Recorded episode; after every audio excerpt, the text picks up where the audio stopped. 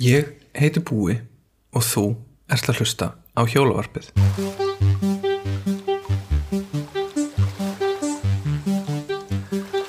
Þetta er svo mikið sem nýjundi þátturinn af hjólavarpinu og ber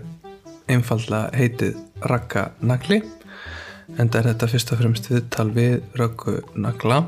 Ef þið finnst þetta skemmtilegt þá myndum við kunna rosalega vel að metta ef þið myndið fylgja okkur á Spotify eða á Apple Podcast eða hvaða öðru því e, forriti eða appi sem að þú ert að hlusta á okkur í. Eins var ekki ekki að þið myndið fylgja okkur á Instagram eða henda í eina góða engun fyrir okkur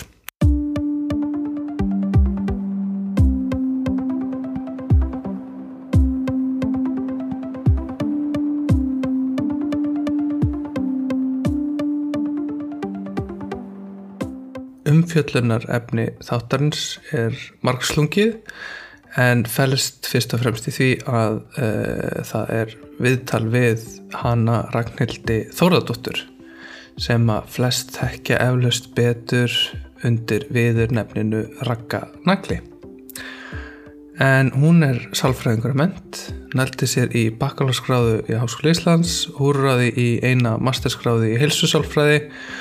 og er síðan með eitt stykki embættispróf í sálfræði sem að hún stundar eða sem sagt hún rekur sína eigin sálfræðistöfu út í Danmörku það sem hún býr með uh, mannin sinn som heða Snorri. Og fyrir utan allt þetta þá er hún virka á samfélagsmiðlum þar sem hún segir ímislegt sniðugt um hluti sem tengja streyfingu hvort sem er líkamleiri eða andleiri andleiri reyfingu það er smúl hrítið þetta átt að vera sagt, bæði líkamleiri og andleiri heilsu en svo er hún líka mikið að fjalla um reyfingu eh, svo þegar einhver hefði haldið að þetta væri komið gott af verkefnum fyrir eina flotta konu að þá er hún líka með geggjaðan hlaðvarsþátt sem heitir heilsuvarpið og er án Eva með betri hlaðvörpum sem að hægt er að e, góma, koma fingrónum í. En þar fær hún e, marga áhugaverða viðmælendur sem að hún spjallar við um hinn ymsustu málefni. E, Raka er alveg mögnuð og ein af fáum einstaklingum sem að ég fengi að tala við sem að dansar alveg frábærlega á milli þess að vera auðmjúk og beinskeitt hlustar og tekur tillit en þorir alveg að segja sína skoðun án þess að vera að skreita það eitthvað. En uh, Raka talar ekki bara um helsu og reyfingu heldur er hún brjálæslega dugleg við að stunda hanna Um, ég elska að reyfa mig, um, er búin að vera reyfingasjúk síðan ég var svona, já, 1920, fyrir það var ég nú aðlega bara að reykja og drekka og djamma.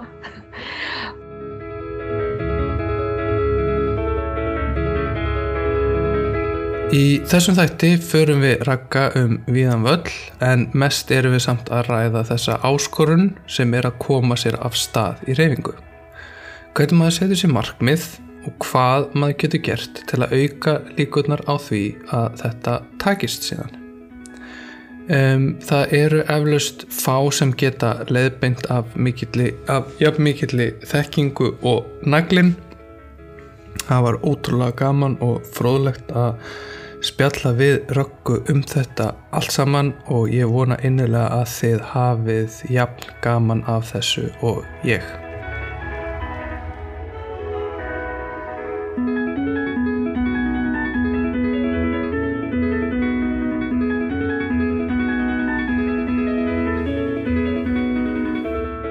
Hvernig gengur að hjóla? Ú,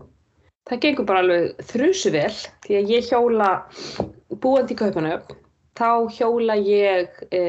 mörgum sinnum á dag og mjög mikið og mjög lengi og, og hérna e, við eigum bíl, keftum hann 2021, hann er verið að þryggjara og hann er keirður nánast ekki neitt. Hann er, hann er stendur hérna atvinnulegs frá mándegi til förstags. Hann er einstakarsinnum hreyður um helgar en aðalega er að nota til þess að fara í svona lengri ferðir. Hann er búin að fara fimm sinni til Þískalands en, en við notum bæði veist, hjólin okkar til að fara í vinnu og, og þú veist það er náttúrulega kaupanahöfn, ég held að sé komið upp í 70% af borginni sem hjólar í úrvinnu. Það var 60% fyrir einhverjum, einhverjum ári ég held sem kom upp í 70% núna og já, þannig að ég, ég hjóla þú veist, ég, ég er í svona 10-12 myndur hjólanir í vinnu til mín og þetta er nánast alltaf bara svona, sko ég er aldrei á í umferðinni, ég er yfirleitt á bara svona sko stíg og, og það er þetta hugvit eða þetta svona þetta heiti Copenhagenization sem að sko dönunum hefur tekist upp og, og, og þú veist, það er kannski þekkist í Hollandi. Það er að búa til þess að sko hjóla stíga sem eru meðfram göttunni en þeir eru samt afmarkaðir. Og, og ég er mikið í London, sýsti mín býr í London og ég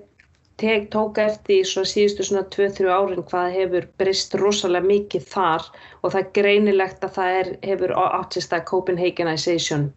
í þessast kaupmannahafna væðing í London. Og þetta er náttúrulega einstakt að geta hjólað svona í þessu öryggi á, þú veist, ekki á gangstéttinni, þú ert að hjóla stíg en þú heldur ekki á sko akbrutinni þannig að já, það gengur mjög vel að hjóla og, og en ég get alveg sagt að þegar ég byrjaði þá var ég mjög óörug og, og þú veist, það, maður læri náttúrulega þetta er ákveði menning. Þú veist, að hjóla þetta, hérna. þú veist, þú þarfst að gefa merki, ég er að fara að beja til hægri að vinstri, þá setjum höndina út. Ég er að fara að stoppa, þá setjum höndina, þú veist upp, eins og ég sé að, þú veist gera svona stoppmerki og uh, þú veist, og þú þarfst að virða þessa reglur, þú veist, þetta er ákveðin umferða reglur og, og það er eitthvað alltaf að taka fram og þér og hann dinglar á því, þú veist ma margi móðgast við það skilur en, en þetta er náttúrulega bara merkjum það ég það bara þess að vika og hann ætlar að fara fram úr mér vinstramegin og, og þú veist þá, þá gengur þetta upp og það verði ekki þú veist áreikstarar og núningar. Þannig að en það tók alveg smá tíma sko að svona tilenga sér þess að siði í, í umferðinu og að fá þetta öryggi að hjóla þú veist innan um bílana það er örgulega það sem er vefst fyrir rosa mörgum, sérstaklega með kannski Íslendingum sem eru vanir að fara út á hjólu og vera alltaf bara á stígum. En, en hér er þetta alltaf samgöngur og þú veist og þú ert innan um bílana og maður þarf að vera rosalega var um sig og, horfa hvað er þessi bíl að fara að gera? Þú veist, er hann að fara að beigja er, veist, er hann að fara að hæja á er hann að keri hratt skilu, þú veist, maður er alltaf með þú veist, maður þarf að hafa 100% aðtikli Getur þú líst þessu svona breytu hvað sem var? Þú veist, hvað var eitthvað sérsta sem var til þess að þú upp, þess að finnast þetta ekkit mál eða? Æfing bara. E, þú veist, þetta er bara eins og í rættinni. Þetta er bara, þú veist, að fara út og hjóla og, og þú veist, að vera óörgur og, og, og þú veist, en e, bara með tímanum, þá, þá, þá kemur þetta öryggi, skilur. Þa, það er eitthvað nefn, þú veist, það, já, það gerist bara með bara endurtekningunum, sko, og Já, en að því að tala um snjómokstur, þá til dæmis var snjó, eða sérst veturinn hér var svona óvenju snjóþungur á, á köplum, veist, það, það er ekkit oft sem að verð er snjór í köpmanöfn á veturna en þú veist, auðvitað kemur það fyrir. Og það var svolítið mikil snjór hérna í bæði desember og januar og það, þeir riðja sko hjólastígana eða fyrst, veist, þannig að maður getur yfirleitt alltaf hjóla, það eru, ég get talið á fingurum annarar þá daga sem ég veist, þarf að taka bílinn skilur í þú veist það er ekki snemma morguns þegar ekki byrja, byrja að riðja uh, en uh, það er nánast aldrei sko. Þe, veist, þetta er, er hugsað rosalega vel um hjólastíðana Daniði gera kröfur þeir láta ekki bjóða sig hvað sem er með, með það sko. Þannig að og þetta þarf líka funker og þeir eru líka búin að sjá að sko, þeir mæla líka sko, eins og hvað þessu lengi þú býður ljósum að því að þeir, þeir vilja að þér finnist þetta vera effektívar í sam, samgöngumáti heldur en bílinn. Þannig ef þú ert til dæmis í mikilli umferð og þarf að býða kannski 2-3 rauð ljós eftir að komast yfir, þá er það, þú veist, þá getur það orðið hindrun fyrir fólk. Þannig að þeir reyna að hafa hjólastíðana sko þrefalda, þú veist, þeir eru alveg þreja, jafnvel fjórfaldir eins og hérna á Nörðubrúða sem ég bý, þá eru þeir jafnvel fjórfaldir, skilur. Þannig þeir leifa rosalegum fjölda að komast fyrir á hjólastíknum svo að þú veist, þú þurfir ekki að vera í kremju og býða og býða og býða. Einmitt. Nú kannski líka svona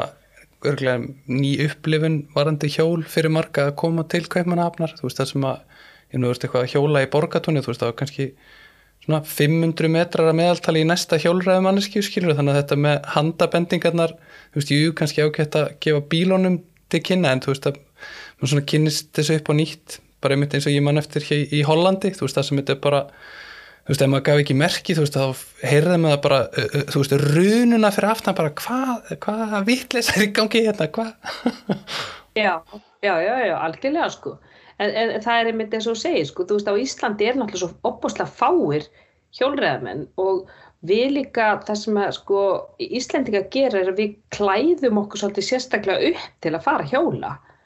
og, og við erum líka öðruvísi hjólum. Og það var einmitt eitt, við fluttum hingað út 2009 og tókum bara með okkur fjallahjólun okkar sem voru búin að nota á Íslandi.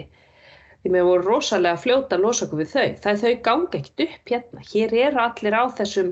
svona þessum svona, þú veist, svona geðsugl eða þú veist, svona, svona göduhjólum sem er með miklu mjóri dekkjum, við komast miklu hraðar yfir, þú veist, ég sitt, þú veist, alveg svona uppi, ég er með körfu, bæða framann og aftan, þú veist, ég fyrir búðina og ég er með kannski íþróttatösku og skilju, þú veist, þannig að þetta er eiginlega halger bílinmanns, en þú veist, á Íslandi þá var maður bara í stregaskóm og þú veist, ég var til dæmis smá tíma að hjóla í háhælduðum skóm skilur við, þú veist, ég var alltaf bara í stríðaskóm bara með háalögu skóna með mér. Ég meina, núna hjóla ég bara í alls konar skóm og alls konar fötum og eitthvað. Það tók, það tók smá tíma þú veist, ó, ok, ég var ekki að fara sér til joggingalla og stríðaskó og fara á eitthvað risastort fjallahjól til að fara út að hjóla veist, ég get ekki bara verið bara í pæjufötunum og farið bara, veist, þetta sér maður þessar skvísur, þessar dönsku skvísur, þú veist, það er margir sem talið að það sé komið til kaupanamn, að sjá ljósara stelpur í einhverjum pilsum að hjóla þetta er eitthvað svona, það er eitthvað við það, sko. Ég held að það sé öruglega líka eitthvað svona aðeins breyting núna á Íslandi, sko. Þú veist, ef þetta var, þú veist, ég meina fyrst var þetta bara, þú veist, hjól voru fyrir börn og svo kom hérna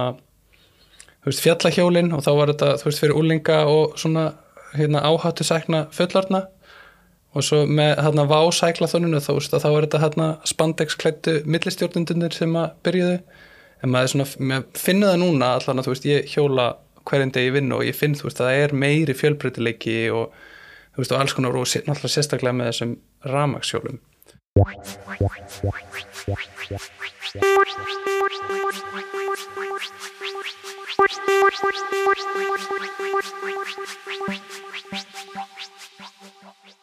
Þú veist, núna stenduðu einhvern veginn frammi fyrir því að allþjóða heilbreyðstofnunum segir að 80% Íslendinga séu með of litla reyfingu í hversteginum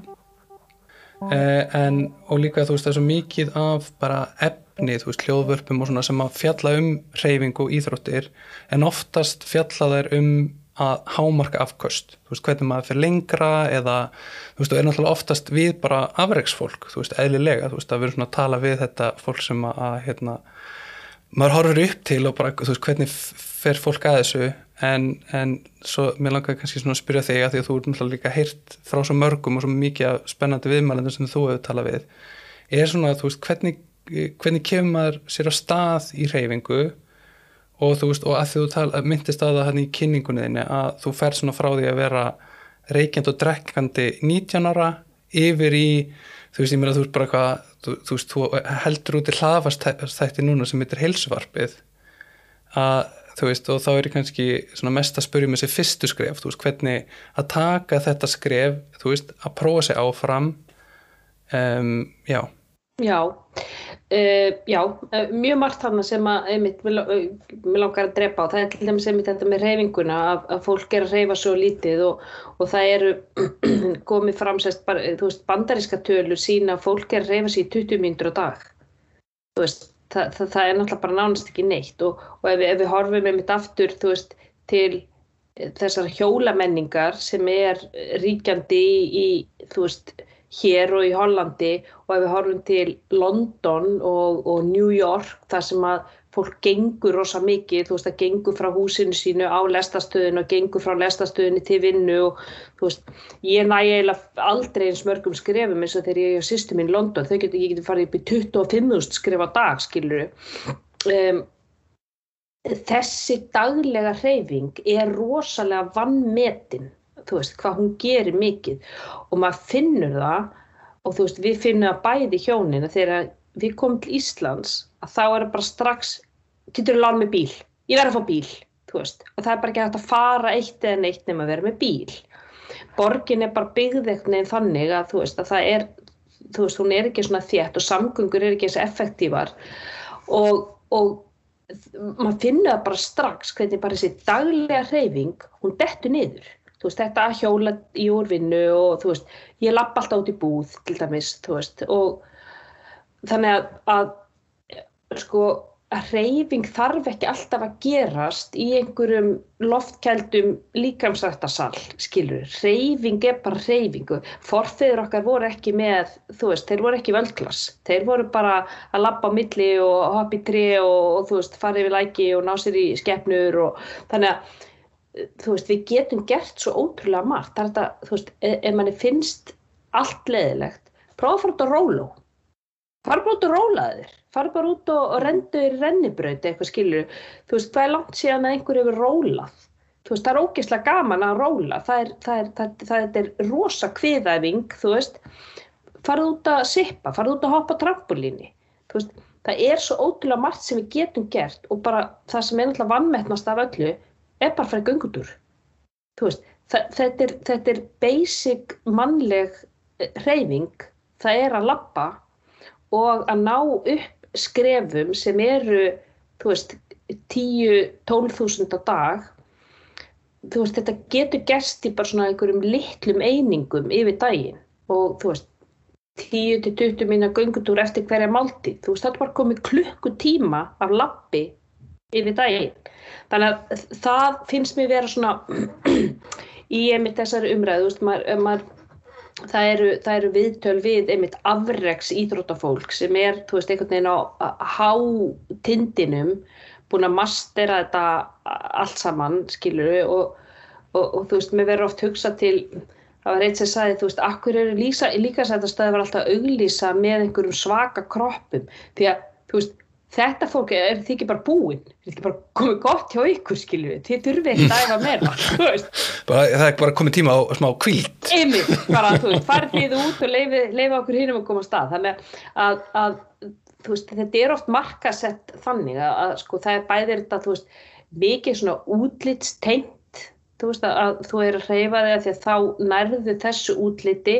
og líka áherslan á að tala við þetta fólk sem er veist, ekki bara Gunna og Jói sem er bara mæta veist og ég menna maður þekki bara ég, ég, ég æfi alltaf í sömu stöðinni hér í Kaupanum, ég æfi líka alltaf í völdklassi í laugum þegar ég er á Íslandi og ég er mjög ofta á Íslandi. Ég er búin að sjá sama fólkið í veist öllum þessu stöðum í ára tugi og þetta finnst mér vera hetjur. Þetta er fólkið sem er bara búin að gera reyfinguna lífstíðaringar, auðgar þú veist það er bara dag eftir dag eftir dag að heiðra þörf líkamanns fyrir reyfingu. Að það er eiginlega fólki sem maður ætti að taka viðtöl við.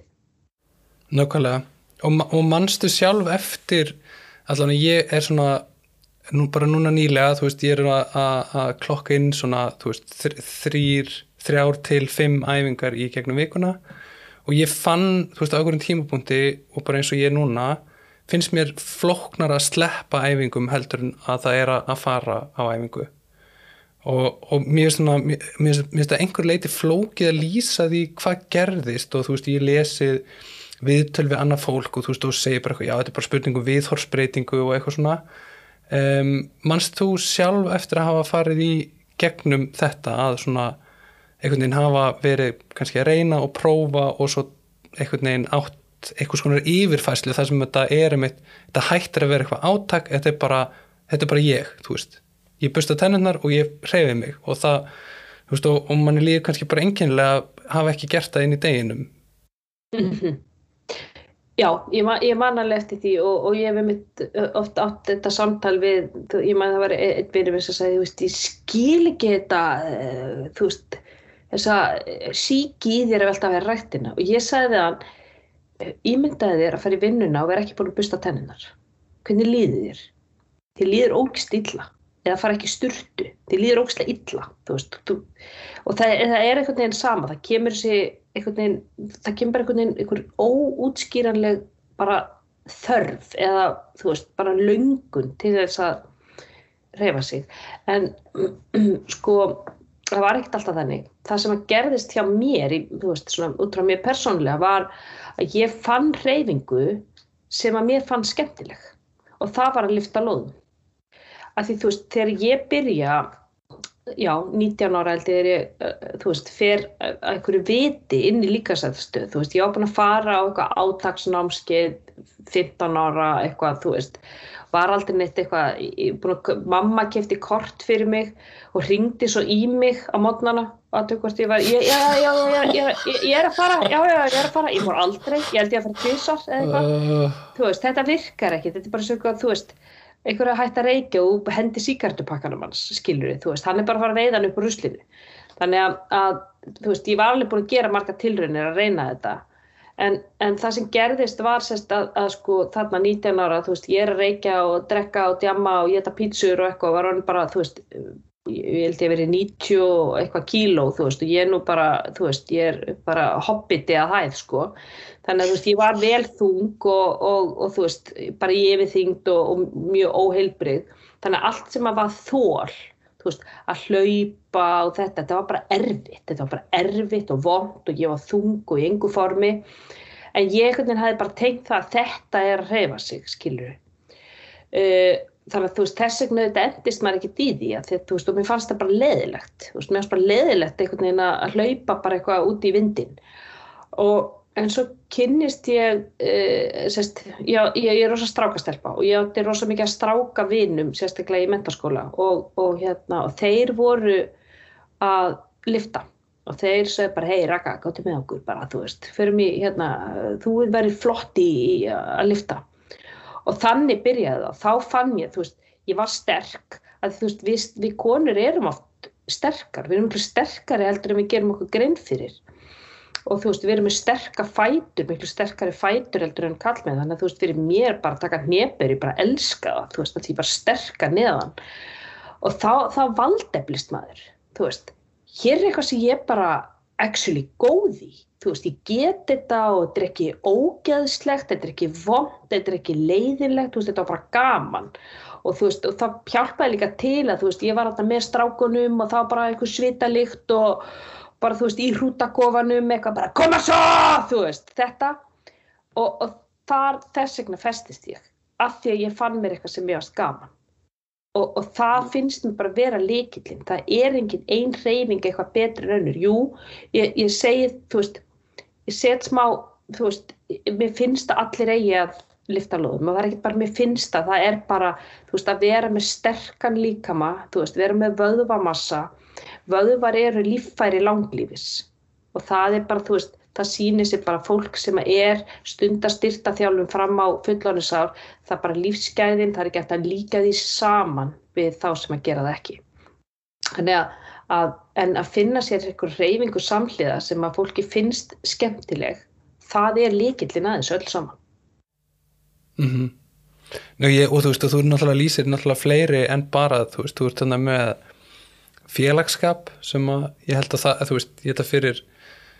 og þú veist, ég held að sé oft líka hægt að snúa eins upp á þetta, þú veist, að ég meina, ef þið finnst gaman að hlusta á tónlist og þið finnst gaman að hlusta á, ég veit ekki eh, hérna hljóðbækur eða eitthvað þú veist, þá getur þið fundir heimingu þar sem þú getur gert það sem þið finnst skemmtilegt. Þú veist, samtvinnað e eitthvað svona hluti sem að þú veist, að maður er svona pína að plata sig. Þú veist, já, ég ætla að fara út að hlusta á hljá, hla, hérna hlaðvarp veist, en samt ertu þá að ná inn einhverju hreyfingu, sko. En ég held einmitt að, að þú veist og ég hef líka fundið að ég verið að fara þarna upp í e, mjölni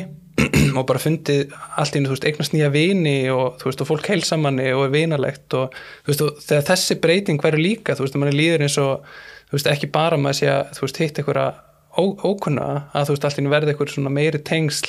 uh, vinátt að eitthvað svona kunningsskapur breytir helling bara að þú veist, maður fer brosandi inn í tíman og úr tímanum og allt þetta, sko. Já, þetta, verður svona identity. Og, og ég veit ekki hvort þú hefur lesið bókin eftir James Clear sem heitir Atomic Habits. Þetta er svona einn stærsta bókin svona í vana hvernig festu við vennjur í sessi. Og þú veist að vana fræðin er alveg stór, stór fræðigrein og það er til dæmis Charles Duhigg The Power of Habit og, og, og fleiri sem hafa skrifað veist, um akkurat þetta að þú þú veist, þú myndar þér svona sjálfsmynd, þú, þú myndar þér, veist, hver er mín, hvert er mitt identity, þú veist, ég veit ekki alveg, þú veist, gott íslenskt orði yfir það, en allt í einu, þá er, ert þú manneskja sem fer í mjölni. Ég er, ég er maður sem stundar hreyfingu í mjölni, þú veist, það verður bara partur þinni sjálfsmynd. Og síðan er það að þú tilheyrir hópi þar sem að þessi hegðun er normið. Veist, við mætum öll á æfingar í mjölni, það er normið hjá þessum hópi og þú tilheyrir þeim hópi. Og málið er að við erum sko frekar til í að því við erum svo mikið hjartýr að frekar heldur að vera einhvern veginn einn að gera hegðun, þá viljum við gera hann saman með einhverjum og þá er það að finna sér hóp sem er að gera það sama. Þú veist, alveg og maður sér þetta bara með allt, bara með, þú veist, svona uh, live action roleplay, svona larp, þú veist, það, það er bara hverjum hópur sem myndast í kringu þá, allt í nú er maður bara partur af þeim hópi og, þú veist, það, það, það skiptir rosalega máli að hegðuninn sem þú vil tilenga þér sé normið í hópin, það er rosa erfitt að ætla að vera eina helsu, þú veist, helsu netan í hópi það sem að normið er bara að fara alltaf út að drekka og geta hambúrgara það, þú veist, mm -hmm. skilur þannig að hvaða hegðun er normaliserið í hópnum og hvernig er mitt identity að mín sjálfsmynd hún myndast út frá því. Ég er kona sem lifti lóðum. Það er partur af minni sjálfsmynd. Ég þarf að styrkja þá ímynd og ég geri það með hegðunni minni. Hegðunni mín semst, er bara atkvaðagreðsla fyrir þá sjálfsmynd sem ég hef Þannig hvert einskitsi fyrir rættina, það er bara eitt atkvæði. A, mannstu, þú ert kona sem lifti lóðum. En veit, Njó, þú veist, maður veldi líka alveg fyrir sér, þú veist, að bara eins og núna er komin februar og þú veist, maður fann rosalega fyrir því, þú veist, allt í hennu fylltist allir tímar hérna í januar og, og allir rosa dögulegir og svo allt í hennu núna bara er helmingurinn farin einhvern veginn. Um, þú veist það komi núna líka svona setni eh, hluta februar þannig að meiri segja svona eftirlegu kindunar er einhvern veginn hornar líka sko. Þú veist að þú veist af hverju er við svona léli í þessu? Þú veist er þurfum við eitthvað þú veist endur hugsa til dæmis eins og líkansrættastöðar að þú veist að við séum meira að styrkja eitthvað félagstengsla, að það taki eitthvað á mótið að við búum til eitthvað að vinahópa eða þú veist að því að ég, mena, ég, ég bara koma bara fyrirlestri fyrir ekki svo lengu þú veist, þú verður að tala um að bara ef að þú veist, ef þetta heldur áfram eins og þetta er núna að þá verður þú veist, ég man ekki það er bara svona 2030 verður helmingurinn af öllum skattpenningum okkar í þjónustu við eldriborgara þú veist, sem eru þá í ykkur hjúkurnar úrræði og eitthvað svona. Þannig að þetta er, þetta er svona aðkallandi vandi og þú veist, og oftast hugsa við einhvern veginn um spítalana en, en þú veist, en við þurfum rosa mikið að hugsa bara um þú veist fólk sem er færtugt sem, að, veist, sem er alveg til í veist, sem langar að vera með reyfingu sem hluta sínu lífi en bara þú veist, ég ger líka eitthvað stutt á könnun hann inn á pappatips og þú veist, og bara til þess að heyra hvað, hvað fyrirstöður þetta eru sem að fólk er að sjá þú veist, og þá var, þú veist, meira og minna virðist að vera svona alltaf tímaspösmál þú veist, komast ekki frá í úlvatímanum sjá ekki fram og geta rifið sig upp klukkan 6 til þess að vera þá komin aftur heim áður en að dasgráðan byrjar þú veist, hafa ekki orku á kvöldin um, ég veit ekki, þú veist, ég svona finnst einhvern veginn eins og það, þú veist, það vantar eitthvað púsli í þetta samtal, skilur að því líka náttúrulega líkamsræktastöðunar jújú, þú veist, það er gera sitt og þú veist, auðvitað kannski vakir einhverjum marki fyrir þeim að ebla líðhelsu en síðan líka bara eitthvað að græða pening, skilur þannig að, þú veist, og þá líka bara eitthvað ég er búin að henda rosa mörgu á þig sko, en... Já, nei, þetta, þetta er góð punktur þetta með félagstengslina því að veist, það er einmitt sko besta forspá um að þú viðhaldir helsuhæðun er, er félagslegu stuðningur hvort sem hann er heima fyrir eða þá einmitt á staðnum þar sem stundar hreyfinguna eða helsuhæðuna þannig að sko Uh, og, og þetta tilhera hópi er bara svo óbúslega ríkt í okkur. Þetta er bara djúft í bara, þú veist, þetta er bara primitífa eðlið í okkur, skilur, bara frá því að við vorum bara úti bara, þú veist, veiðimenn og, og safnarar. Þannig að, að, að það sé sko, það er náttúrulega liggur líka svolítið á okkur þú veist, hún segir okkur sem erum búin að vera þarna innandýra í áratýji er að þegar það kemur einhverjum og við sjáum að hann er óörgur og er klárlega að stíga sín fyrstu spór er að brosa og þú veist bjóða fram aðstóð eða veist eða bara nikka til eða eitthvað. En það er náttúrulega sorglegt að veist að maður er bara með sín headphone og svolítið bara í sínum eigin, eigin heimi inn í líkastættstöðunum það er svo svolítið kultúrin og normið. Þannig að það er, eh, hérna, og þeir sem að spjalla saman eru kannski svona meira bara þeir sem að, þú veist, hafa verið aðna lengi. E, þannig að það, það er klárlega eitthvað sem að svona mætti huga að sé að,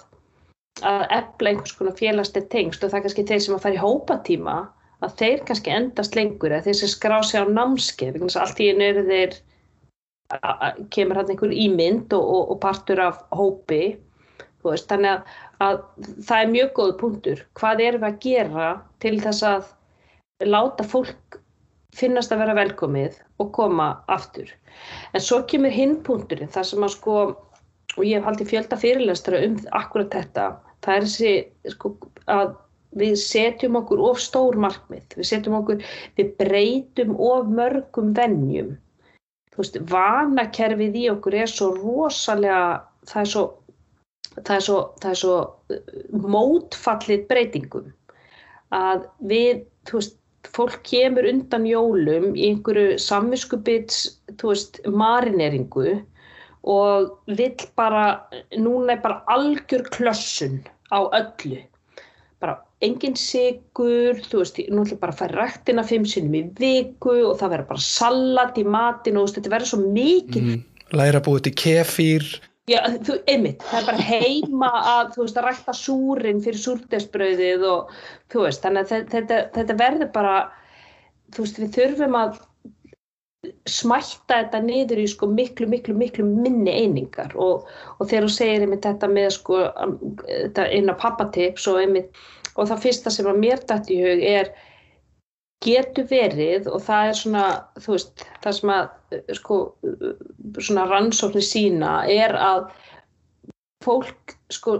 setur sama sem merki við einmitt að reyfa sig er að fara í 60 mínútur í rættina og það það krefst þess að ég ætla að vera í 60 mínútur þar innandira, það krefst þess að ég tek eiginlega 90 mínútur út af deginu mínum þú veist, ég þarf að koma mér á staðin, að klæmi í fötin og allt þetta. Þannig að þú veist, prósessin verður rosalega stór og þeir eru kannski einmitt ungur pappi með 2-3 börn í fullri vinnu, þá bara áttu kannski ekki þessar 90 mínútur, þú veist, og þú finnur ekki alveg hvar getið settar inn. Og hvað með ef við ákveðum, ok, þú ert að reyfa þig 0 núna, ef þú ferð upp í 60 mínútur og 0 mínútum, hvað er það mikil markföldun? Það er alveg bara stórkostlega markföldun. Þannig að hvað með að reyfa sér bara tímyndur? Ef við bara byrjum þar og við gerum það kannski bara tvisa til þrýsar í viku og hvernig getur þú fjarlægt eins margar hindranir og þú mögulega getur. Þú veist að það er þetta sko drákvinn lögmál sem að, að gera hegðuna vana. Er þú veist gerðu hegðuna augljósa gerða hana auðvelda í framkvæmt og þú veist, hún þarf að festast í sessi. Og hvernig geti, þú veist, fyllt þessum, þú veist, prinsipum, þú veist, gera hana augljósa, gera hana auðvelda, þú veist, einfalda málið er að, þú veist, setja fötinn út daginn áður, veist, finna allt sem þú þart fyrir rættina daginn áður, það, sko, þetta litla verkværi,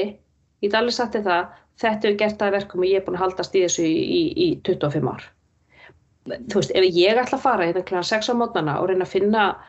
samstæða sokka og þú veist, það, það er bara aldrei að fara að gerast, það er að glemtu hugmyndinni, þannig að þú veist, hvernig get ég þú veist, það ekki er krullu hérna, íþróttuna krullu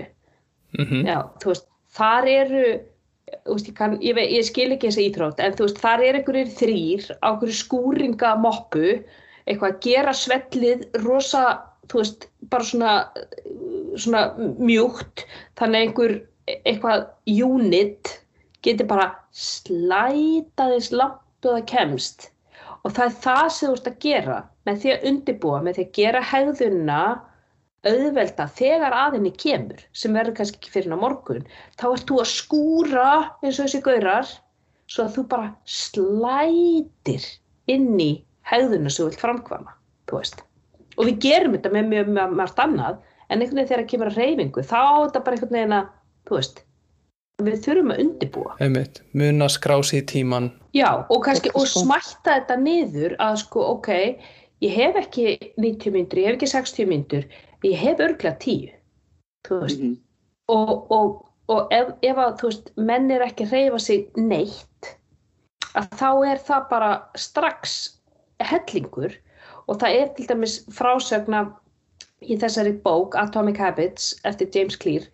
er frásögna manni sem að misti 100 pund eða 50 kíló á einu ári. Hann fór í ræktina þrisar í viku fyrsta árið bara í 5 mínútur og það sem hann var að gera var að hann var að koma hegðunin upp í vana Mhm. og hann gerði hana svo auðvelda að hann gati ekki svindlað þú veist, hann gati ekki slefti þú veist, hann keiri bara á staðinn, hann lappar inn hann er þarna inn í fimm mínútur, hann tekur ykkur þú veist, og þetta er náttúrulega ekkit stórkostlegt til þess að sko ná einhverjum árangri, en svo fór hann að byggja ofan á og fór að vera lengur og fór að fara oftar, hegðunin var komin upp í vana og það er líka það, við leifum aldrei hegðunin að komast upp í vana því við gerum hana of stóra. Þannig að ég segi bara við alla hvað er raunhæft fyrir þig? Byrjum þar oft þarf maður að draga fólk niður. Ég manni ég á með skjólstæðing og segi ég nenn ekki, ég langs að synda og það þarf að synda 500 metri ég sagði, akkur er þetta að synda 500 metri, akkur fer ekki bara að synda 250 þú ert ekki að synda neitt núna.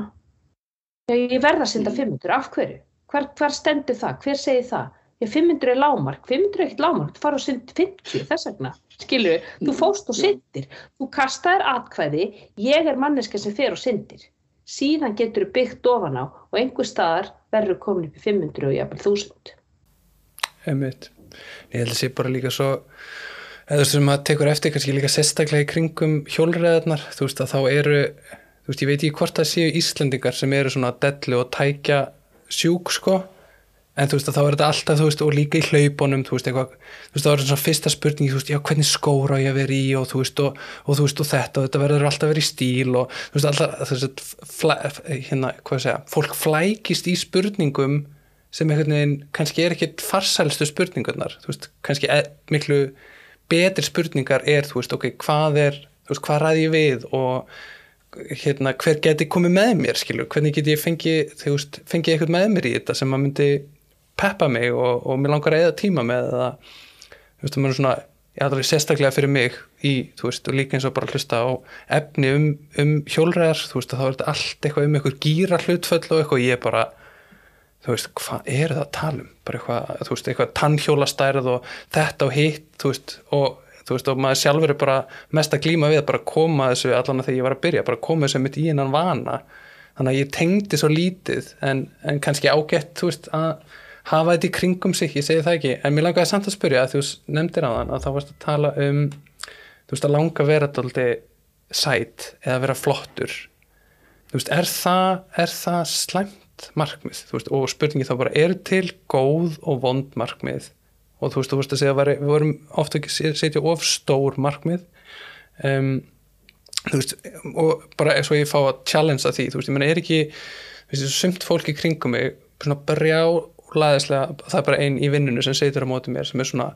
þrjósku típa, þú veist, og ef hún myndi býta eitthvað í sig, þú veist, ef hún myndi eitthvað svona kinda undir henni með að hlaupa marathon myndi bara gera það, þú veist, að því hún er bara, þú veist, Ég vona að þannig Nei. Já, sko, eh, þú veist, það er rauninni kannski svo sem ekki góði að vond markmið en, sko, markmið þurfa eiginlega alltaf að vera, þú veist, ég ætla að reyna að brína fyrir fólki að settu þér hegðunamarkmið frekar en útkomumarkmið. Þannig að, þú veist, e, sko, hegðunamarkmið er að fara þrísari vik út á hjóla. Útkomumarkmið er keppa í rift, skilru. Þú veist, þú getur haft hverju tveggja en hegðunamarkmið það sem er mér halda þér í þessu veist, eftir ár og eftir tvö ár en ef þú myndir setja bara útkomarkmið ég ætla, ég ætla að keppa í rift. Og þá hvað gerist svo? hvað gerist svo þegar búinn þar? Þú veist, þá bara er búinn með markmið og það er bara mjög algengt að fólk sem er mitt setur sér markmið fara í marathón og þú veist, svo hættir það bara hættir bara hlaupa. Þú veist, að því markmiði var veginn komið en, en þegar þú ert, þú veist, horfir á einhvern veginn ferlið og þú veist, ég ætla að fara út að hlaupa, ég ætla að fara í rættinni, ég ætla að fara út að hjóla tvísar, þrísar í viku, þú veist, þá, þá ertu, þá ertu að setja þetta fyrir lífstíð.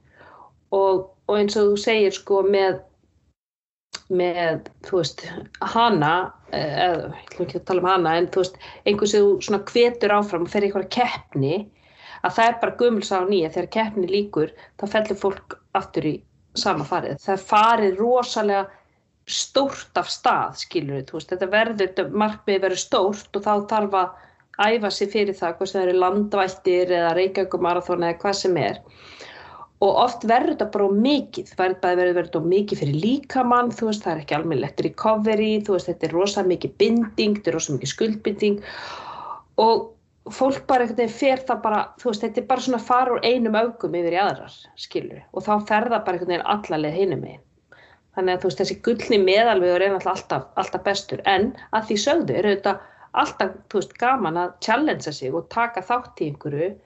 til hliðar við markmiði sem er hegðunin sjálf og ferlið sjálft. Og brínur þá, þú veist, nú veit ég ekki alveg hvort það er bara skjólstængar eða fólk sem voruð að hitta á förnum vegi, en þú veist, að, að setjast nýður og hugsa þetta, þú veist, er það, þú veist, að mér finnst oft sem, þú veist, maður er svona, þú veist, þetta er bara einhver hugsun aftast í haustnum, skilur, já, ég ætla að reyna að mæta þrísvar, en þú veist, er einhver fengur af því að bara svona setjast nýður og mögulega ræða við fjölskylduna? Og þú veist og það kannski líka þú veist hvernig þú veist að semja um þennan tíma sem, að, sem er til af, aflögu þú veist er það? Sko það eru rannsóknir sem sína þú veist það heitir implementation intention. uh, sem er í rauninni ætlun og innleðing og hérna og, og, og það er einmitt einn rannsókn sem ég vísa oft í þú veist þegar ég hefur haldið fyrirlastur um þetta að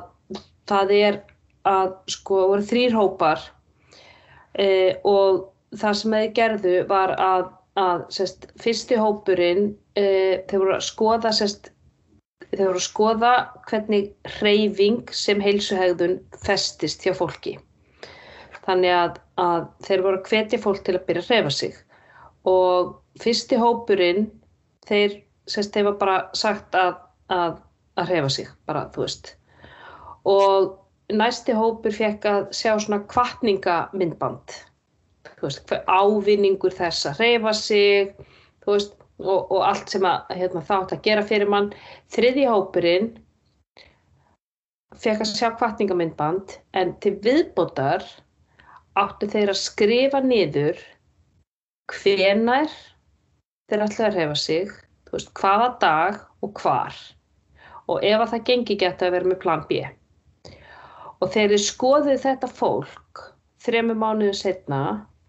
að það var 90% af þeim í hópnum í hópi þrjú sem að skrifaði niður, þeir voru ennþá að reyfa sig.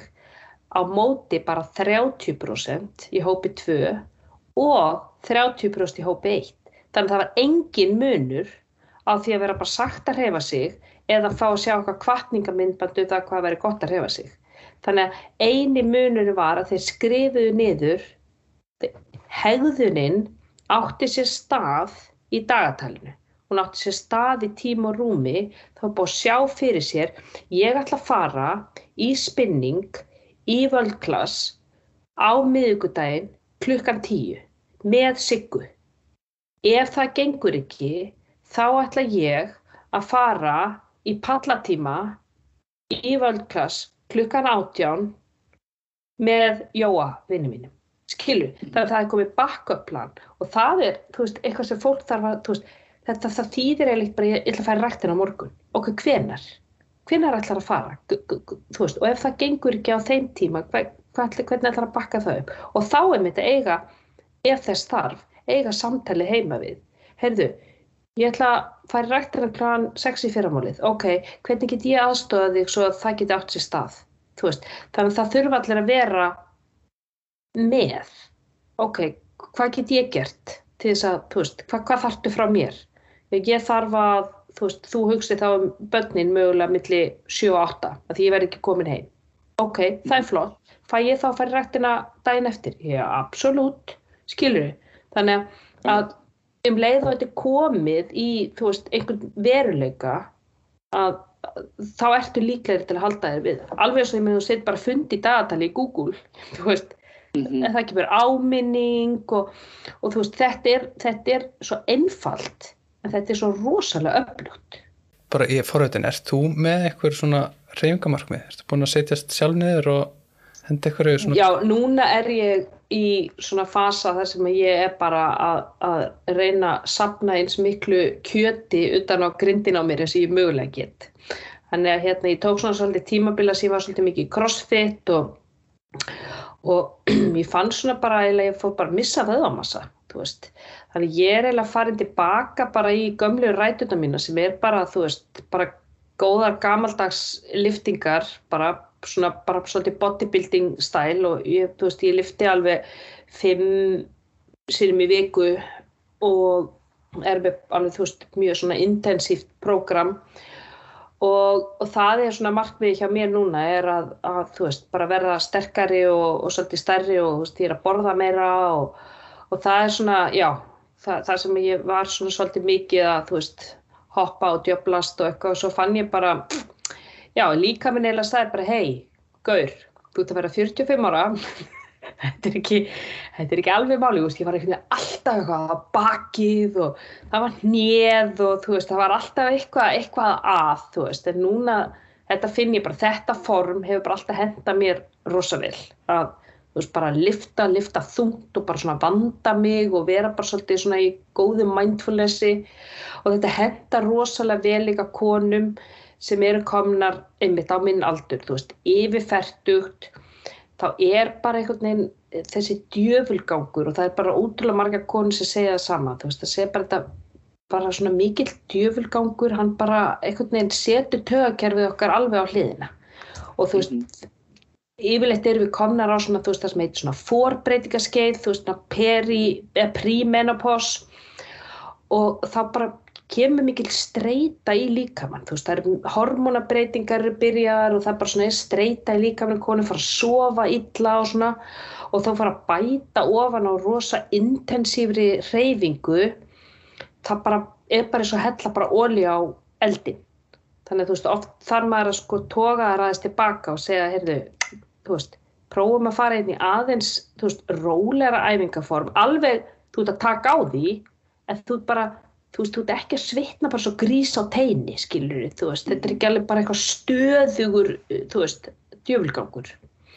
Já, mér, ákæðin svona aðeins, svona meiri stjórn. Já, þannig að draga ákæðina, þú veist, og það er ákæð, en þú veist, ma maður þekkir að maður fer að lifta og, þú veist, versus það að vera í ykkur svona þólæfingum, að þetta er öðruvísi átak, maður verður öðruvísi þreyttur, þú veist, maður tekur alveg á því í ykkur tíu reps og svo kvílur þannig að þú leifir alltaf taugakerfin að fara niður á milli. Veist, þannig að það næri þessu recovery og svo fer þið nýja næsta. En þegar er, þú veist, þessu svona uh, high intensity tímar og tapata tímar og svona sem er eiginlega náttúrulega engin kvíld það verður ofta og mikið fyrir okkur sem eru komin aðeins á, á þú veist, svona eftir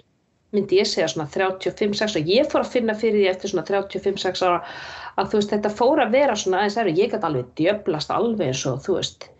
en fyrir það sko. En, en já, ég fór að finna svona, svona upp úr ferdu og var þetta þú veist, orði aðeins meira strögg, þú veist að, að halda þessu tempo einhvern veginn.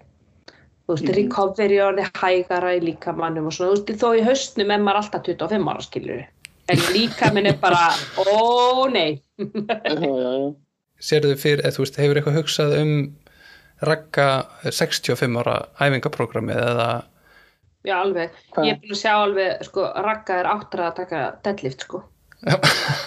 Og er það bara, þið langar ekki að læra eitthvað nýtt eða fara eitthvað annað eða bara halda þessu við eða? Já, sko, ég, já, ég, ég, ætla, þú veist, ég byrjaði í golfi, þú veist, ég hef búin að segja við manni minn bara glemdu því, ég fer í þetta hér í sjötug, þú veist, þetta er svo mikið drastl og þetta er svo, þú veist, svo fannst þetta rosa gaman og hérna, og, og þú veist, mér langar líka að fara í svona meira, þú veist, eins og svona, uh, þú veist, padel og tennis og svona, svona spaða íþróttir heilla með aðeins núna. Um,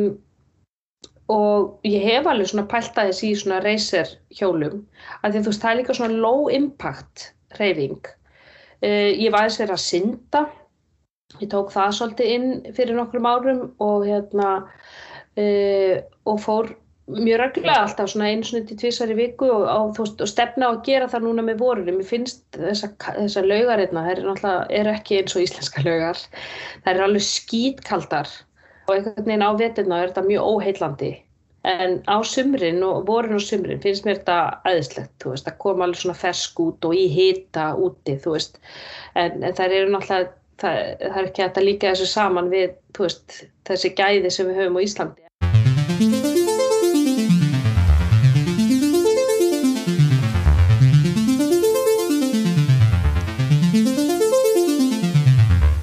en þú ert ekki að setja þér svona keppnismarkmið eða hvað? Sko ég kefti ég kefti í þregmestarnum eitthvað tvisar, ég kefti í fitness tvisar og ég finn einhvern veginn fyrir mig að þetta veldur mér ómiklum einhvern veginn einhverjum kvíða. Ég, ég verð eitthvað svona, ég, ég verð stressu gagvart þessu og ég verð einhvern veginn svo hrættum að líka með minn, þú veist, sé ekki að vinna með mér og, og þú veist, ég hef lent í svona smá uh, svona börnáti, bæði vinnutengt og líka æfingatengt, þú veist, að því ég er bara, þú veist, ég, ég djöblast og, og, og það stundu kemur í bakið á mér. Og þannig ég hef svona aðeins verið hrætti við það sko bæði að ég myndi ganga fram að mér, þú veist, að því að bara keppnisskapið og, og, og líka það, þú veist, að, að þú veist að eitthvað muni gerast eða eitthvað. Þannig að keppnir hafa einhvern veginn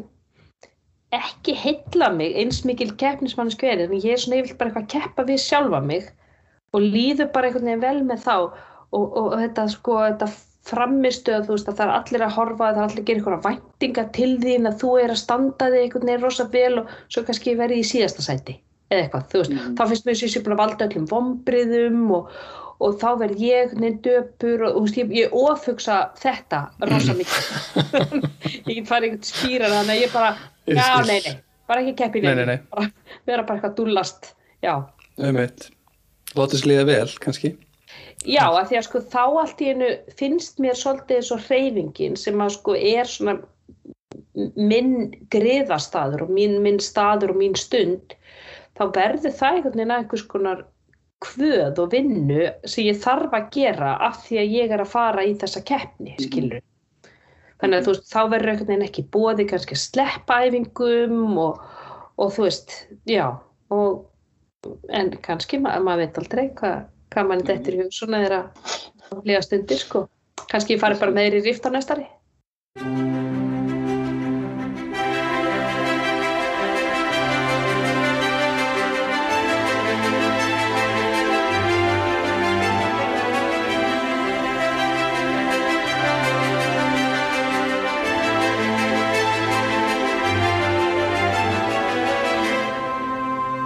Eitt sem ég langaði að snerta á sem er líka tengt mér að einhverju marki sem er sko börn í íþróttum. Og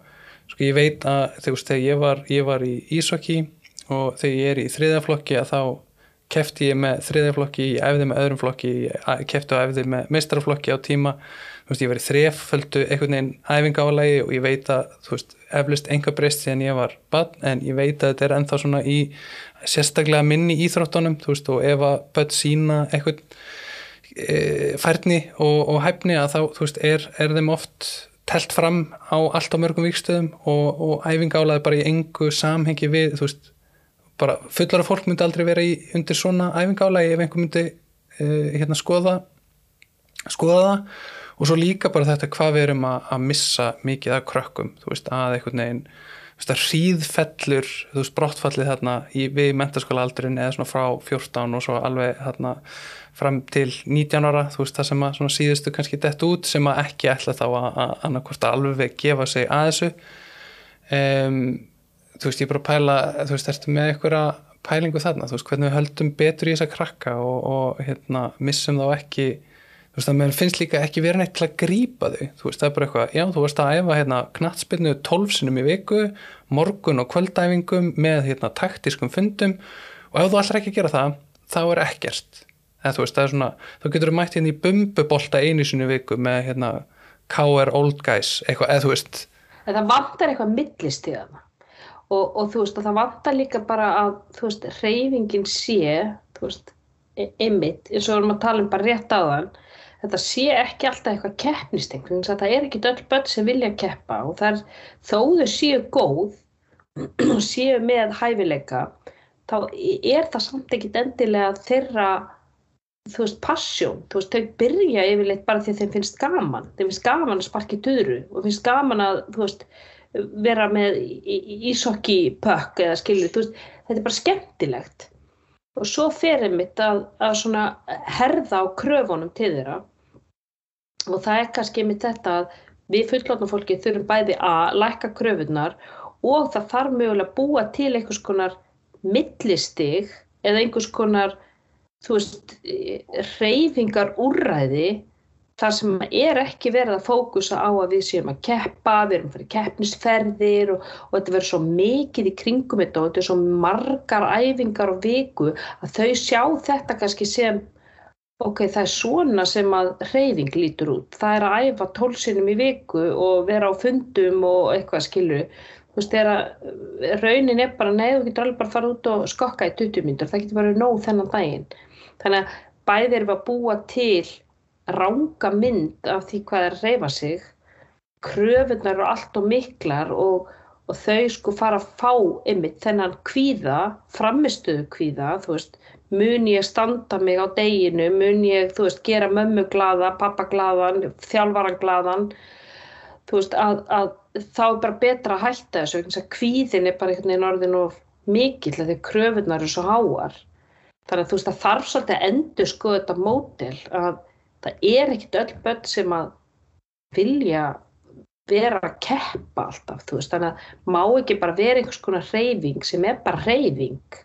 þú veist, einhvers konar eins og bara líkamsættastöð er fyrir fullari fólk. Vera með, með einhverja skiptingu, þú veist. Viltu að æfa fókbalta 5 sinum viku eða viltu að æfa 3 sinum viku veist, að þetta sé eitthvað svona, eitthvað option, þannig að þú veist, þú getur fært það á milli, þú veist að bara eina önnuna langar að koma fyrir einhverju leikriti eða einhverjum söngleik eða einhverju, einhverju öðru að þá, þá getur minka við þig og þið langar að breyta því að þá, þá sé eitthvað svona einhver option sko. En ég ætlaði að hoppa í sko ég er að fara að hjóla þessa 200 km þannig að þetta er svona ertu með hvað hérna, þú veist, var þetta lélegt markmið, var þetta alltaf stórt eða er ég einhvern veginn búin að klúra öllu og, og bara, bara hættis öllu og, og eða, eða, eða hvaða, hvaða ráleikingar ertu með fyrir mig svona núna inn í sömarið? Ég með þú búin að setja það í markmið og þá er bara, ok, hvað fælst í því, hvað, hvaða hegðum þarf ég að framkama til þess að veist, það geti átt sér sérst, að verða veruleika? Og, og veist, stór markmið er alveg valit markmið, skilur þannig að, alls ekki. Nú ert bara, nú ert þú búin að identifæði þig sem mann sem allar hjóla 200 km og nú er bara að veist, hver einasta hegðun alla daga verður bara veist, það verður bara svona eitt lítið atkvæði fyrir það. Þannig að en hvernig þú ætti að undirbúa þig þar myndi ég mæla með honum hérna, Birgir Konráð því að hann er, er, er, er hérna, uh, hann er með hann sterkir hjólarar og, og eitthvað svona. Um, en já, það sem ég myndi bara svona ráleika þér er að, að veist, ekki kvika frá markmiðinu þínu en, en vera samt meðvitaður, ok, ef þetta verður á mikið og mikið fyrir mig og mikið fyrir fjölskyldunum mína þá er engin skömmaði að þú veist, draga úr því fara í minnikeppni eða þú veist, gera þetta á næsta ári þegar henda betur, skilur það er líka það, við ofta bara giftumst markmiðinu, skilur en svo bara lífið hendir í okkur alls konar ruggli og kannski gengur þetta ekki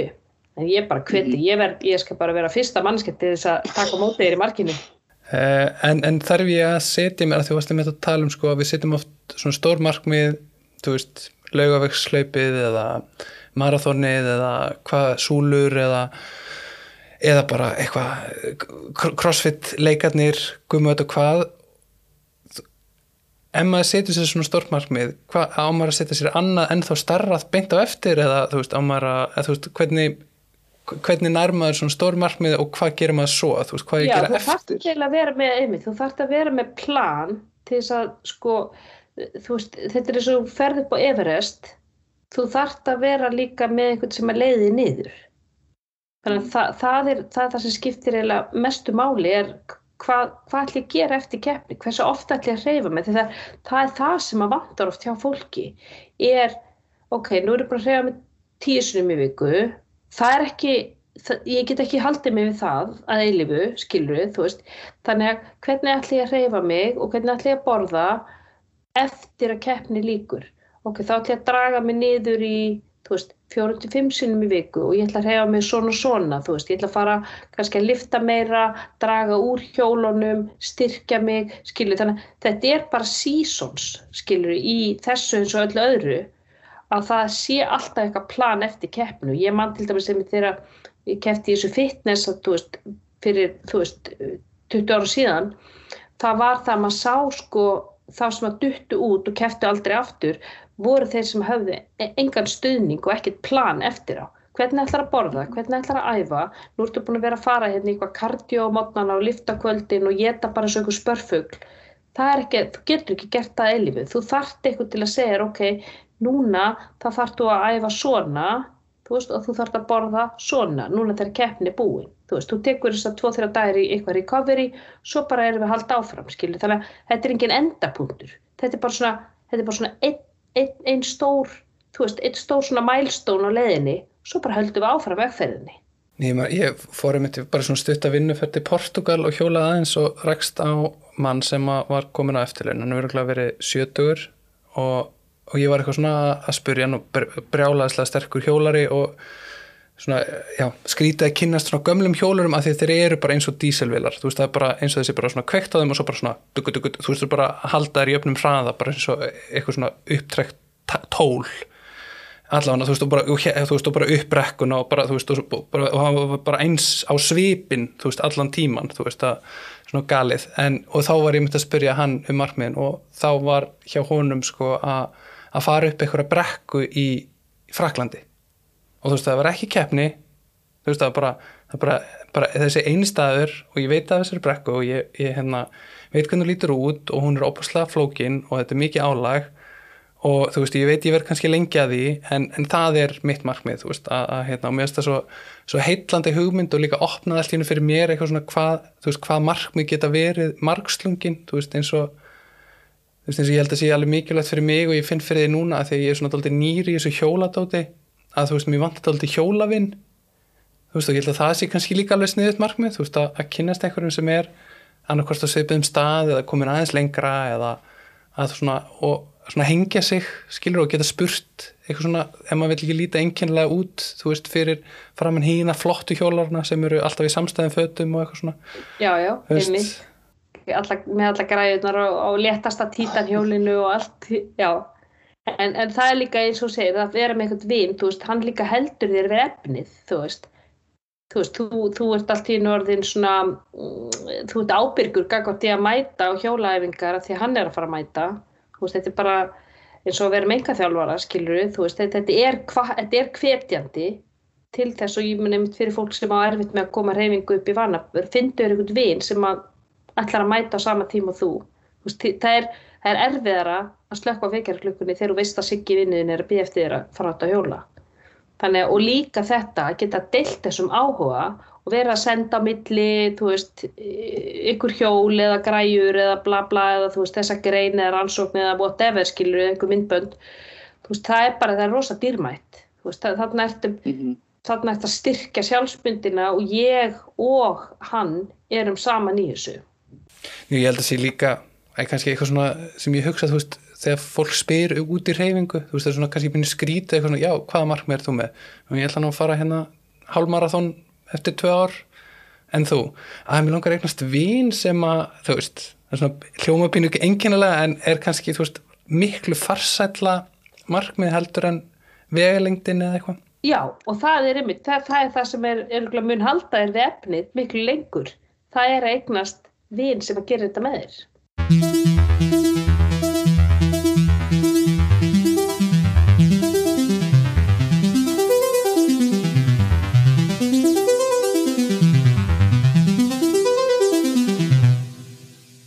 það er kannski, þú veist, eitt sem að mér data þessi hug þegar þú sagðir sko með þessi útlýtstengdu markmið. Það er að þegar ég byrjaði þá var það ekki út af útlýti og, og ég hef einhvern veginn alltaf tengt það við kannski að þess vegna náði ég einhvern veginn að, að þú veist að því þú veist til að byrja með síðan alltaf við fyrir að keppi fitness og eitthvað þú veist þá verður það útlýstengt en til að byrja með þá var það ekki því að mér fannst ég æðisleg skilu þó ég væri náttúrulega í bara byllandi yfirþyngd og þú veist ég meina andliti á mig var bara þess að ég hefði bara þú veist ég var bara svo tungli fyllingu skilu mér fannst ég bara að vera megabeip þannig að það var ekkert, þú veist, að ég væri með eitthvað lítið sjálfströst eða, þú veist, brotna sjálfsmynd sem ég lappaði inn heldur var ég bara að fara inn til þess að bara sína strákunum svona lifti maður loðum, skilju, sjá hvað ég er ógeðislega sterk. Og þá var þetta svona framistuðu miðað og, og þú veist, síðan vindur það einhvern veginn upp og svo það einhvern veginn var svo valdeflandi og hvetjandi til þess að halda áfram. Þannig að þú veist, við getum alveg sett okkur útlýtsmarkmið en þau eru rosa óræð. Hvenar er ég orði nógu flott og, og þú veist, og það er bara markmið sem færist yfirleitt alltaf lengur og lengra því að þú ferðin í nýjan líkama skilu, þú veist, bara ég menna líkamiðin breytist og hann allt í hennu verður, þú veist, stæltari og skórnar og eitthvað þá færist alltaf markmið en ég get orðið örglega aðeins gerendi og aðeins skortnari og aðeins vöðvari og aðeins meiri vöðva og aðeins sterkari og skilju þannig að þú veist það yfirleitt er fólk aldrei 100% sagt og maður bara sér það bara þú veist á bara fitness og, og þú veist vakstarækta fólki að það er örglega bara hæsta tíðni af þú veist ádröskunum og deburð og veist í þeim hópi að því að þú nærði einhverju ákveðinu útliti á einhverjum ákveðinu degi með því að þú veist, þú ert algjörlega skrauf þurr og nánast bara sveltur að mat og þá verður það einhvern veginn eitthvað norm sem að fólk reynir alltaf einhvern veginn að halda í að ná aftur þú veist, sem er náttúrulega bara ynga veginn hægt að viðhalda. Þannig að fólk þarf ofta að hafa það, þetta í huga mm -hmm. að útlitsmarkmið getur alveg verið góðu kvati en það er öll hín markmiðin sem að halda þér einhvern veginn við efnið. Þú veist, það er þetta bara hvað get ég, hvað getur líka minn? Og veist, hver er ég? Og hver er mín gildi í lífinu, það er það sem að finnst mér skiptir alltaf mestu máli. Já, það með líka kannski þetta, þú veist, hvernig markmið virka fyrir mann, þú veist, ef, eflust fyrir einhverja er það bara nóg markmið, bara þú veist að líta vel út og þá bara drullastu á stað, sko en ég held að einmitt fyrir mjög mörg er það bara alls ekkit nóg, þú veist, það þarf að vera eitthvað skonar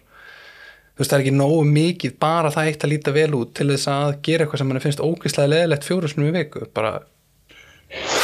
Það er nefnilega málið þú veist, þegar að sko vekjarklukar ringir og þú, þú veist, alltaf bara komast í eitthvað bikini, þá ertu bara nei,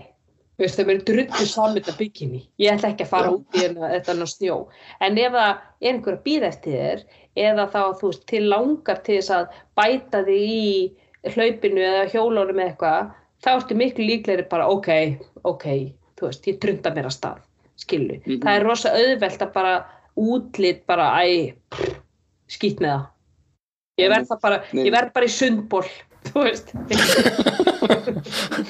ég verð bara á bakkanum. Já, ég verð. Nei og ég held að sé ég mitt líka bara, já, að þú veist, eignast eitthvað svona vaksandi markmið, þú veist, og einmitt líka að markmið sem var kannski gott í upphafi getið svo enda með eitthvað inn að býta því í rassin sko. Ég var að byrja að hlaupa þannig COVID og byrja að hlaupa með svona úri og svo bara, þú veist, fór ég elda þetta pace, þú veist, að ná betri árangri og svo einn daginn þá ég við mér og þá er ég búin að hlaupa kílometra og ég var ekki með úri mitt og ég fekk bara eitthvað svona enkenlegustu tilvistakrísu lífsmins það sem að, þú veist, ég bara allt í hennu leið mér eins og ég bara, þú veist, byrja, er ég að hlaupa ef ég er ekki með úrið og nú veit ég ekkert hvernig mér gengur og á ég að fara að hlaupa tilbaka að sækja úrið, það meikar ekkert sens og þú veist, og ég var bara svona, hel, ég bara svona stoppaði og var bara, hvað gerir fólk sem fer út að hlaupa, bara eins og ég væri, þú veist, einhvern veginn bara ekki með heila lengur eða eitthvað og þú veist, já, byrja, og af hverju er ég aftur að hlaupa, jú, bara til þess að líða vel eða eitthvað og, og ekki bara, klá, ekki bara halda fram að hlaupa eða eitthvað, þú veist. Og, svo, að, veist, og þá kvikna allt í ná þessu, já, þú veist það er kannski alveg bara líka fínt markmið að líða vel þegar þú ert út að hlaupa, frekar en að elda þú veist, að, að læka eitthvað peis að því að þú veist, það getur þetta virkað ógislega vel, þú veist, þessar fyrstu fimm vikur þar sem ég var að ná geðvikur í bætingu, þú veist, að því hún verður líka oft svo mikil í upphafi en gæti orðið pínu eitruð þú veist, eftir kannski heilt ár þegar, þú veist, ég kannski bara komið tilbaka eftir eitthvað veikindi og þá ætla þú veist að, að auka ákæðina og minka peysið bara ekki, ekki farsælt sko. Mm -hmm, akkurat. Það, það, það er einmitt sko, fólk verður oft þrælar tækninar. Ég var svona líka, ég var sko þræll púlsmælis. Ég var alltaf með púlsmæli, þú veist svona strappa hérna utanum mig og, og svo þú veist og var alltaf að fylgjast með því að ég var að taka spretti og svona ég væri nú öruglega að keira púlsin alveg upp í þú veist. En, en svo með tímanu það bara hætti þessu, ég veit alveg hvernig ég er að keira púlsið minn, þú veist. Ég, líka minn er nefnilega nokkuð magnaður að hann mm. segir þér, þú veist. Já, heyrðu, þetta er orðið bara aldrei ógeðslega mikið erfitt núna, þú veist, þú átt bara erfitt með anda og þú veist er mögulega bara gæti fara að fara að fara að líða illa, þú veist. Þannig að maður þekkir það eftir smá tíma að, þú veist, hvernig manni líður í ákveðnum, ákveðnum púlsi. Og þú örgulega veist líka er ég á ákveðinu peysi, skilur, þú getur mælt það líka bara með hversu lengi var ég að hlaupa, þú veist, ákveðina vegalengt og allt þetta, en þú veist að við þurfum alltaf að vera með einhvers konar tæki til að mæla, þetta er svona sama með glúkosamælana sem er rosa vinsæli núna, þú veist, mm -hmm. að þeir eru heldur ekkit að, þeir eru heldur ekkit áreð, þetta er ekkit áreðanlega mælitæki, þú veist, þess að þetta með, þú veist, púlsmæla er ekkit, er ekkit alltaf áreðanlegar heldur, þú veist þannig að, að, að maður má eða ekki verða einmitt þræll tækninar en hún er samt góð oft í þess að koma okkur stað og halda okkur við efnið og eins þetta með sko skrefamæla. Verður ekki margir sem áttast ekkert á því hvernig líta tíust skref á dag út? Veist, hvernig líti það út í praksis hversu margi gungutúrar er það? Hversu lengi þarf ég að lappa fólk lappa mjög srætt og tekur mjög stór skref og allt þetta. Þannig að þú veist fyrst er að byrja mig getur þetta hjálpa okkur en svo einhverjum tímpunkti þurfum við oft líka bara einmitt, af hverju er ég að þessu?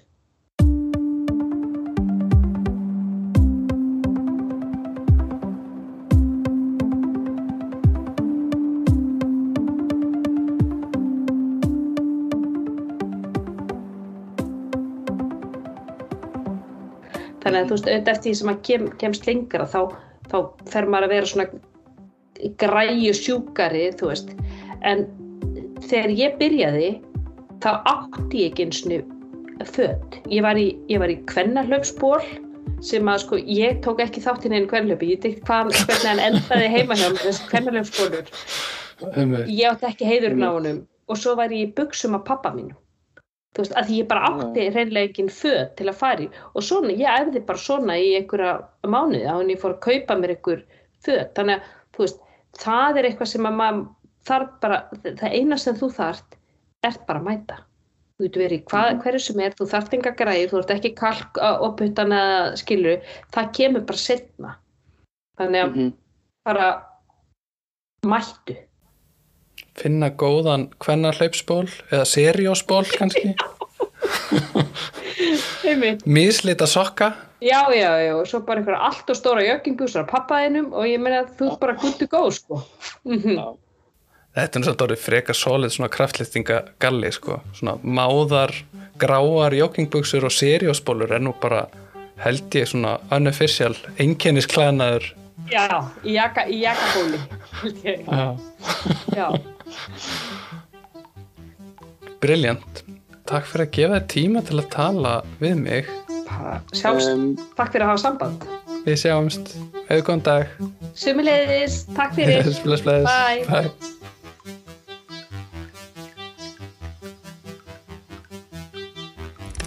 Wee-oo. Wee-oo. Wee-oo.